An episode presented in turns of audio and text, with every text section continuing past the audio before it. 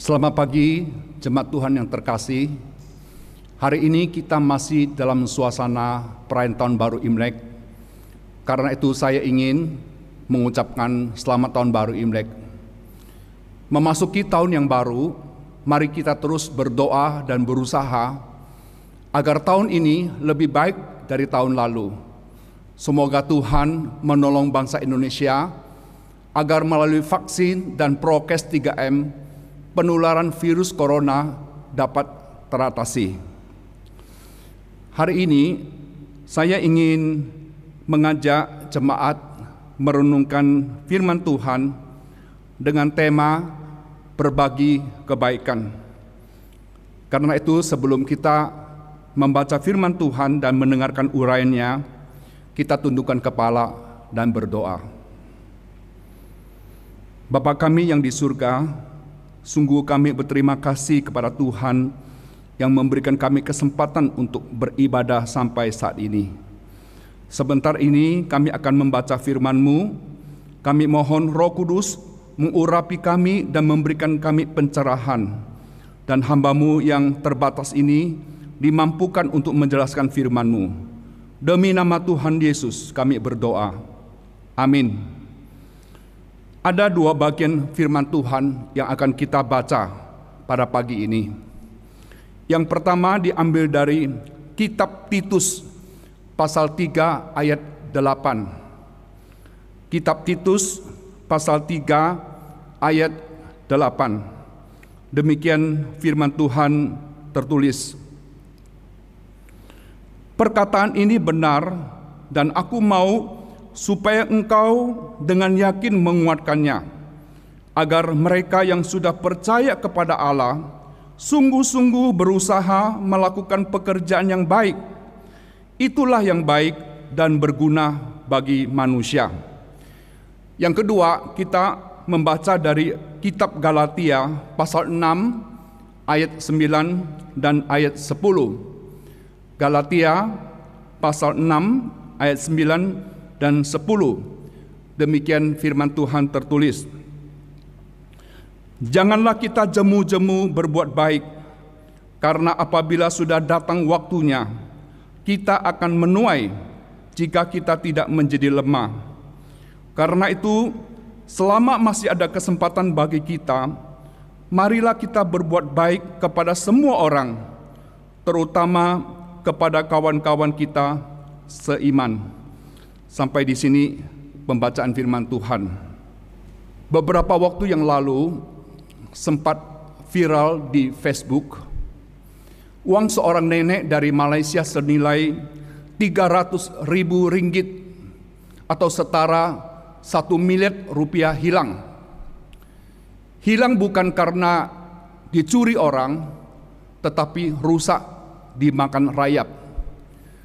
Nenek ini menyimpan 23 bundalan ringgit Malaysia di dalam kaleng-kaleng susu bekas di mana setiap bundalan berjumlah sekitar 15.000 hingga 20.000 ringgit.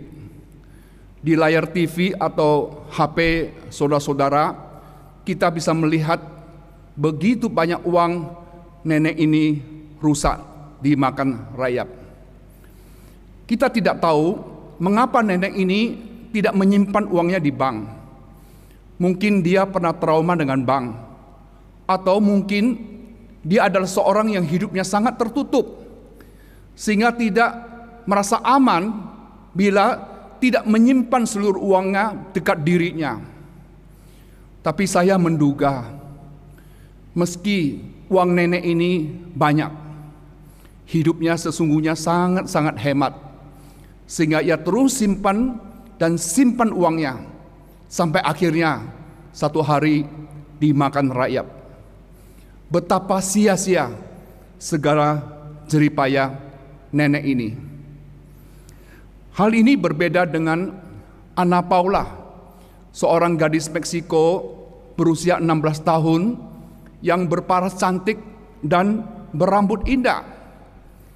Ana Paula dari keluarga miskin satu hari ketika melihat kakeknya terinfeksi COVID-19, dan membutuhkan tambahan oksigen, ia mengiklankan rambutnya yang indah melalui media sosial dan menjualnya sedikit di atas 100 euro. Namun perjuangan Paula belum berakhir karena uangnya tidak cukup untuk membeli dispenser oksigen yang dapat beroperasi lebih dari 24 jam. Biayanya dua kali lipat. Betapa mulia dan baik hati Paula. Jemaat Tuhan terkasih, dari dua kisah di atas memperlihatkan satu kontras. Nenek dari Malaysia ini dengan uang yang banyak, tapi ia simpen untuk dirinya dan akhirnya dimakan rakyat. Sedangkan gadis Meksiko ini yang hanya mempunyai satu mahkota yang berharga yaitu rambutnya ia korbankan demi membantu pengobatan kakeknya. Siapa yang lebih berbahagia? Di dalam kisah para rasul pasal 20 ayat 35, Rasul Paulus mengutip ucapan Tuhan Yesus berkata, adalah lebih berbahagia memberi daripada menerima. Dalam banyak suratnya, Paulus mendesak jemaat Tuhan untuk berbuat baik.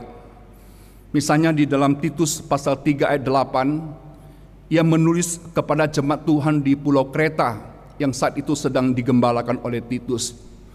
Paulus menulis demikian, perkataan ini benar dan aku mau supaya engkau dengan yakin menguatkannya agar mereka yang sudah percaya kepada Allah sungguh-sungguh berusaha melakukan pekerjaan baik. Kita perhatikan kalimat ini, mereka yang sudah percaya kepada Allah sungguh-sungguh berusaha melakukan pekerjaan baik. Mengapa Paulus mendesak jemaat Tuhan di Pulau Kreta yang sudah percaya kepada Allah harus berusaha mengerjakan kebaikan? Apakah dengan berbuat baik mereka bisa memperoleh keselamatan? Tidak.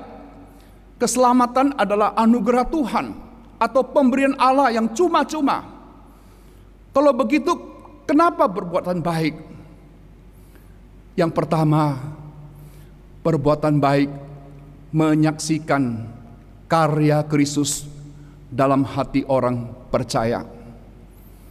Orang percaya yang hatinya sudah diubahkan oleh Kristus hatinya akan menjadi baik.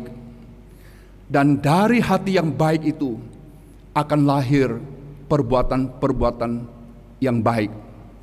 Sedangkan manusia yang hatinya belum diubahkan oleh Kristus, hatinya dikuasai oleh daging, oleh keserakaan, dan ia tidak mungkin melakukan kebaikan. Keadaan seperti ini diperlihatkan oleh penduduk di Pulau Kreta. Saudara-saudara, sejarah mencatat bahwa penduduk Pulau Kreta dikenal kasar dan tidak bisa dipercaya. Terdapat banyak pemabuk, penipu, pencuri, dan seterusnya. Dan sering terjadi perkelahian dan saling dendam. Bahkan ada ucapan seorang nabi di pulau Kreta yang tidak enak didengar. Dasar orang Kreta, pembohong, binatang buas, pelahap yang malas. Paulus mendesak jemaat Tuhan di pulau Kreta untuk menjauhi gaya hidup seperti yang dilakukan oleh penduduk di pulau Kreta yang tidak baik itu. Dan sebaliknya, mereka harus sungguh-sungguh berusaha mengerjakan kebaikan. Nah, dengan demikian penduduk di Pulau Kreta dapat melihat satu perbedaan kualitas hidup antara orang-orang percaya di Pulau Kreta dengan penduduk yang belum percaya. Bapak Ibu sekalian, mungkin di antara kita banyak yang mengenal seorang tokoh internasional yang bernama Nelson Mandela. Nelson Mandela pernah dipenjara selama 27 tahun dan amat menderita. pada tahun 1994 ia terpilih sebagai presiden Afrika Selatan. Ia pernah menerima 250 penghargaan internasional termasuk hadiah Nobel. Dan Nelson Mandela juga dijuluki sebagai bapak bangsa Afrika Selatan. Ini orang yang luar biasa. Nah, saudara-saudara, pada suatu hari Presiden Nelson Mandela bersama beberapa pengawalnya pergi ke sebuah restoran untuk makan. Sementara mereka duduk, saudara, dan waktu itu restoran agak sepi, maka Mandela melihat seorang laki-laki duduk di pojok restoran itu. Dan dia meminta pengawalnya untuk memanggil laki-laki kulit putih itu untuk duduk di samping dia. Satu hal yang aneh terjadi. Ketika laki-laki kulit putih itu duduk di sebelah Presiden Nelson Mandela, tangannya gemeteran. Lalu keringat mengucur di sekujur tubuhnya, khususnya di keningnya, di mukanya, penuh dengan keringat. Lalu pengawal Nelson Mandela bertanya kepada pria ini, apakah bapak sakit? Apakah bapak perlu ke rumah sakit? Tapi Nelson Mandela kemudian menjawab demikian. Dia tidak sakit. Keringat yang mengucur dan tangan yang gemetar itu bukan karena dia sakit.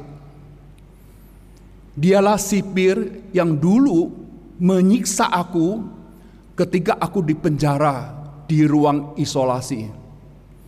Pernah ketika aku haus dan meminta minum air susah dari darinya. Dia malah mengencingi kepalaku. Jadi dia sedemikian gemetar karena dia takut aku akan membalas apa yang dia pernah perbuat terhadap aku. Tapi aku tidak akan membalasnya. Dendam bukan sifatku. Dendam tidak akan dapat membangun negara, tetapi memaafkan selalu menjadi jalan menuju kebangkitan satu bangsa. Satu kalimat lagi yang sangat penting yang diucapkan oleh Nelson Mandela. Kita tidak pernah tahu nasib seseorang. Selalulah berbuat baik kepada siapa pun. Bapak Ibu sekalian, kalimat ini penting. Kita tidak pernah tahu nasib seseorang. Selalulah berbuat baik kepada siapa pun. Pengampunan yang diberikan Mandela kepada pria kulit putih ini yang pernah menyiksanya menunjukkan Mandela ini adalah seorang anak Tuhan yang baik hati. Ia tidak mau membalas kejahatan dengan kejahatan walaupun ia mampu melakukannya. Sebagai anak Tuhan, Mandela meyakini dendam, kebencian, dan tindakan kekerasan tidak dapat memulihkan masyarakat Afrika Selatan yang pada saat itu sedang terkoyak-koyak oleh politik apartheid atau politik perbedaan warna kulit. Hanya dengan saling memaafkan dan mengampuni, masyarakat Afrika bisa dipulihkan. Hari ini banyak orang Kristen yang sudah menerima pengampunan dari Tuhan. Tapi ketika ia disakiti oleh orang keluarga atau oleh teman atau oleh orang gereja, maka ia akan mendendam seumur hidup dan dia tidak bersedia memaafkan apalagi mengampuni orang tersebut. Saudara-saudara, saya ingin mengatakan kita perlu waspada. Walau kita mengaku sudah percaya Tuhan. Jika hati kita penuh dendam dan kebencian, jangan-jangan kita belum lahir baru, dan hati kita belum diubahkan oleh Kristus. Kenapa? Karena hati yang baik akan melahirkan pengampunan, akan melahirkan kebaikan-kebaikan. Berikutnya, kita akan memikirkan kenapa Paulus mendesak jemaat untuk melakukan kebaikan. Yang kedua adalah kesempatan berbagi kebaikan tidak selalu ada. Di dalam kitab Galatia pasal 6 ayat 9 dan 10 di situ tertulis demikian. Janganlah kita jemu-jemu berbuat baik karena apabila sudah datang waktunya kita akan menuai jika kita tidak menjadi lemah karena itu selama masih ada kesempatan bagi kita, marilah kita berbuat baik kepada semua orang, tetapi terutama kepada kawan-kawan kita seiman. Di dalam Alkitab ada tiga kata waktu yang dipakai. Yang pertama adalah iron. Iron itu adalah waktu yang lama sekali, waktu yang tanpa batas atau waktu yang kekal. Yang kedua, kronos. Kronos adalah waktu yang berhubungan dengan jam, bulan, dan tahun. Kronos adalah siklus waktu yang terus berulang. Hari lepas hari, minggu lepas minggu, bulan lepas bulan, dan tahun lepas tahun. Inilah kronos. Dan yang ketiga, kairos. Kairos itu adalah kesempatan atau momentum yang muncul dalam siklus waktu.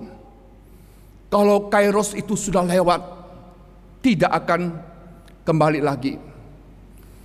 Orang Yunani melukiskan kairos seperti dewa yang namanya Kairos di mana dewa ini di depan rambutnya panjang, lebat, tapi di belakang tidak ada rambut sama sekali. Maksudnya ada demikian. Ketika kesempatan itu datang, kita harus cepat-cepat menangkapnya. Kalau dia sudah lewat, kita tidak bisa menangkapnya lagi karena belakangnya tidak ada rambut. Bapak Ibu sekalian kalau kita membaca kisah tokoh-tokoh yang berhasil, umumnya mereka adalah orang yang bisa melihat peluang, melihat momentum, dan bisa memaksimalkan momentum itu menjadi satu kesuksesan. Alkitab mengatakan, jika ada kesempatan bagi kita, marilah kita berbuat baik kepada semua orang. Dan lagi kemudian dia katakan lagi saudara-saudara, karena itu janganlah jemu-jemu berbuat baik. Di dalam terjemahan bahasa Indonesia yang lain, jangan menjadi lelah, jangan menjadi bosan, tidak boleh patah semangat. Kenapa? Karena apabila sudah datang waktunya, kita akan menuai. Selama masih ada kesempatan, mari kita berbuat baik. Bapak Ibu sekalian, saya suka sekali membaca kisah dua tokoh yang terkenal. Yang pertama Alexander Fleming dan kedua Winston Churchill. Satu kali dikisahkan ada sebuah keluarga kaya asal Inggris membawa anak-anak mereka berlibur ke desa. Tuan rumah menyerahkan rumahnya selama satu minggu kepada mereka maka anak-anak berenang dengan gembira di kolam, saudara.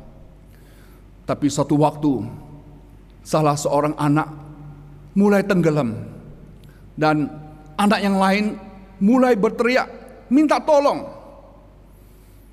Lalu saudara-saudara sekalian, ada putra tukang kebun segera melompat masuk ke dalam kolam dan menolong anak yang hampir tenggelam itu. Orang tua dari anak yang nyaris tenggelam itu kemudian menanyakan kepada tukang kebun itu apa yang mereka dapat lakukan sebagai tanda terima kasih kepada pahlawan kecil itu. Tukang kebun itu berkata, "Anak saya ingin menjadi dokter." Keluarga kaya itu segera menangkap momentum itu, menangkap kairos itu, dan menyatakan bersedia membiayai anak tukang kebun tersebut. Lama setelah itu, anak yang hampir tenggelam itu menjadi Perdana Menteri Inggris. Ia adalah Winston Churchill. Diceritakan satu hari Churchill sakit radang paru-paru yang serius. Raja Inggris sangat prihatin dengan kondisi Perdana Menterinya. Sehingga ia meminta Churchill untuk berobat kepada seorang dokter yang terkenal pada waktu itu bernama Dr. Alexander Fleming, dokter yang menemukan penicillin. Setelah Churchill diobati oleh Alexander Fleming, maka ia sembuh. Sebelum meninggalkan Fleming, Churchill berkata, kepadanya. Jarang sekali seseorang diselamatkan dua kali oleh orang yang sama. Maksudnya apa? Dr. Alexander Fleming sebetulnya adalah anak tukang kebun yang pernah melompat ke kolam untuk menyelamatkan Winston Churchill yang hampir tenggelam pada waktu itu. Setelah disekolahkan oleh ayah Winston Churchill, Alexander Fleming menjadi dokter ahli yang kemudian hari menemukan penicillin. Dan ketika Churchill sakit radang paru-paru yang parah, Fleming juga yang menyembuhkan Churchill. Bapak Ibu sekalian, bila ayah Churchill masih hidup pada waktu itu dan menyaksikan bagaimana anaknya diselamatkan oleh Fleming untuk kedua kalinya, maka ia akan mengaminkan apa yang ditulis Paulus. Apabila sudah datang waktunya, kita akan menuai. Menuai dalam hal apa, saudara?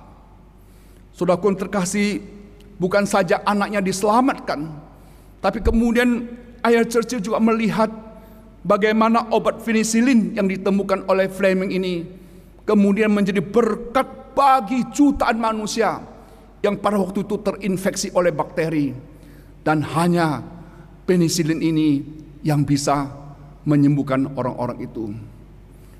Benarlah apa yang kata Paulus, apabila sudah datangnya kita akan menuai. Saudara-saudara, jikalau ada kesempatan, jikalau ada kairos di dalam hidupmu, di mana Anda harus berbagi kebaikan, jangan melewatkannya. Dan sekarang yang terakhir, kita ingin memikirkan adakah tindakan berbagi kebaikan yang mempunyai nilai yang kekal. Bapak Ibu sekalian, berbagi kebaikan yang mempunyai nilai yang kekal adalah memberitakan kabar baik. Ini adalah poin yang ketiga. Pada masa pandemi, kematian terasa begitu dekat dengan setiap orang. Tidak seorang pun yang bisa memastikan kalau ia tidak akan mati kalau terinfeksi virus corona atau kalau ia terinfeksi virus corona pasti akan sembuh. Tidak ada seorang pun yang bisa menjaminnya. Mungkin jemaat tahu bapak anak yang ada di layar TV atau HP saudara-saudara yaitu Dr. Triharjo Sailan dengan saudara almarhum Eldo Sailan. Saya kenal mereka berdua dekat sekali saudara. Di awal pandemi, Dr. Triharjo pernah datang ke gereja kami untuk memberikan tips bagaimana menghadapi virus corona. Tapi ketika dia terinfeksi virus corona, dia sendiri meninggal. Demikian juga dengan saudara almarhum Eldo. Sebelum dia terinfeksi, dia rajin sekali melayani.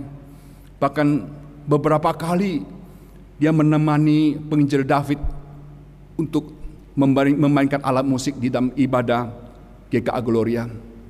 Namun ketika dia terinfeksi, ia juga meninggal dunia. Saudara-saudara ini adalah karangan uh, bunga duka cita yang dikirim oleh gereja kami. Kami sungguh merasa kehilangan sekali.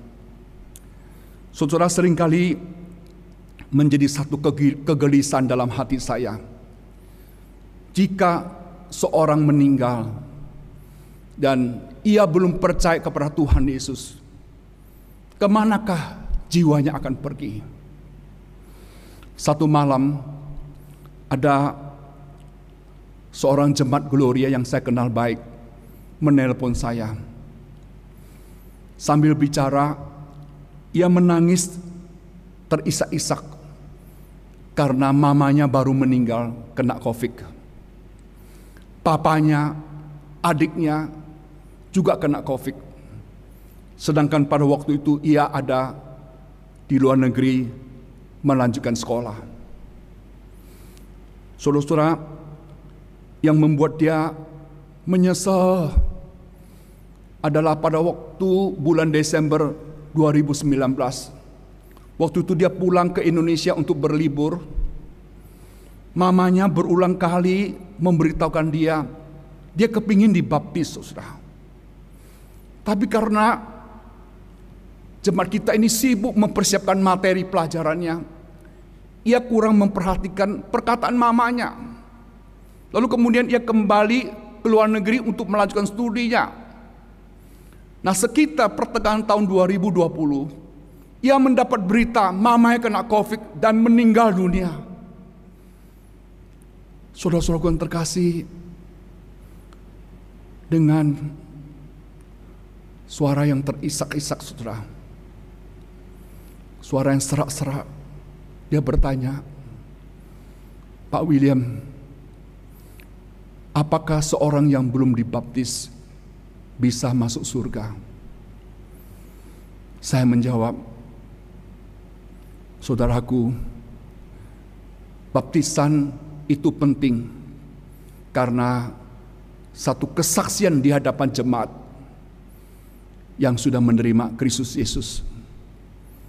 Tapi baptisan itu tidak menyelamatkan karena yang menyelamatkan adalah imannya kepada Tuhan Yesus. Setiap kali saya lihat mamamu beribadah, mamamu beribadah dengan serius sekali. Ketika dia mengiklarkan pengakuan iman rasuli, dia juga melakukannya dengan sangat serius sekali. Maka saya percaya ketika hati seorang percaya kepada Tuhan Yesus dan mengaku dengan mulutnya bahwa Yesus adalah Tuhannya, dia pasti diselamatkan. Bapak Ibu Saudara sekalian, pada masa pandemi ini Anda harus memastikan pasangan Anda, papa mama, kakek nenek dan anak-anak sudah menerima Kristus Yesus. Kabarkan Injil karena berita Injil adalah satu-satunya cara Allah untuk selamatkan orang berdosa. Ketika seorang yang kita bagikan kabar baik bahwa Yesus Kristus adalah juru selamat dan kalau dia betul-betul menerima berita ini maka dia mempunyai jaminan untuk masuk surga. Saudara-saudara, ketika seorang yang meninggal lalu jiwanya masuk surga, saya mengatakan ini adalah buah kebaikan yang bernilai kekal. Maka ada seorang pendeta yang bernama Stephen Lawson. Dia mengatakan sukacita terbesar dalam hidup ini adalah mengenal Yesus Kristus. Sukacita terbesar kedua dalam hidup ini adalah memperkenalkan Kristus. Artinya apa saudara? Artinya ketika kita memberikan Injil, lalu orang bertemu dengan Kristus secara pribadi dalam hidupnya, dia menerima Kristus sebagai juru selamat, itu adalah momen yang paling membahagiakan di dalam hidup dia. Kita ingat cerita tentang perempuan Samaria, kita ingat cerita Sakyus dan yang lain-lain saudara. Waktu mereka menerima Kristus, mereka merasa kebahagiaan yang luar biasa sekali. Dan lagi ketika kita dengan sungguh-sungguh saudara berbagi kebaikan dengan menceritakan kebaikan tentang Yesus Kristus dan orang itu menerima Kristus itu juga menjadi satu sukacita besar bagi kita. Semoga Tuhan selalu mengingat kita, mengingatkan kita untuk berbagi kebaikan di dalam hal pertama yaitu bagaimana saudara dengan kebaikan hati melepaskan pengampunan kepada orang yang pernah menyakitimu sehingga orang yang pernah menyakiti hatimu ketika menerima pengampunan itu dia juga bisa merasakan kelegahan di dalam hidupnya. Dan yang kedua, saudara, selama Anda masih punya kesempatan, setiap kali diberi kesempatan untuk berbagi kebaikan, lakukanlah itu dengan sungguh-sungguh. Dan yang ketiga, kabarkanlah Injil, karena itu kebaikan yang tertinggi nilainya. Semoga Tuhan memberkati saudara dan saya. Amin. Mari kita berdoa. Bapak di dalam surga, ingatkan kami apa yang sudah kami dengar pada pagi ini. Bahwa hidup kami ini sudah diubahkan oleh Engkau. Hati kami sudah diubahkan Engkau. Dulu hati kami dipenuhi dengan hawa nafsu, dengan si aku yang lama tetapi sejak Kristus bertakhta dalam hati kami, hati kami menjadi baik. Dan hati yang baik itu mengalir pengampunan, mengalir segala yang baik. Ya Tuhan, melalui hati yang baik ini juga kami selalu membuka diri untuk menolong siapa pun yang di dalam kebutuhan. Apa itu di dalam doa, di dalam materi, dan selanjutnya. Dan biarlah kami selalu ingat pesan Tuhan Yesus untuk memberitakan Injil. Karena Injil adalah satu-satunya cara Tuhan menyelamatkan manusia yang berdosa. Terima kasih Tuhan. Inilah seru doa kami. Demi nama Kristus Yesus kami berdoa. Amin.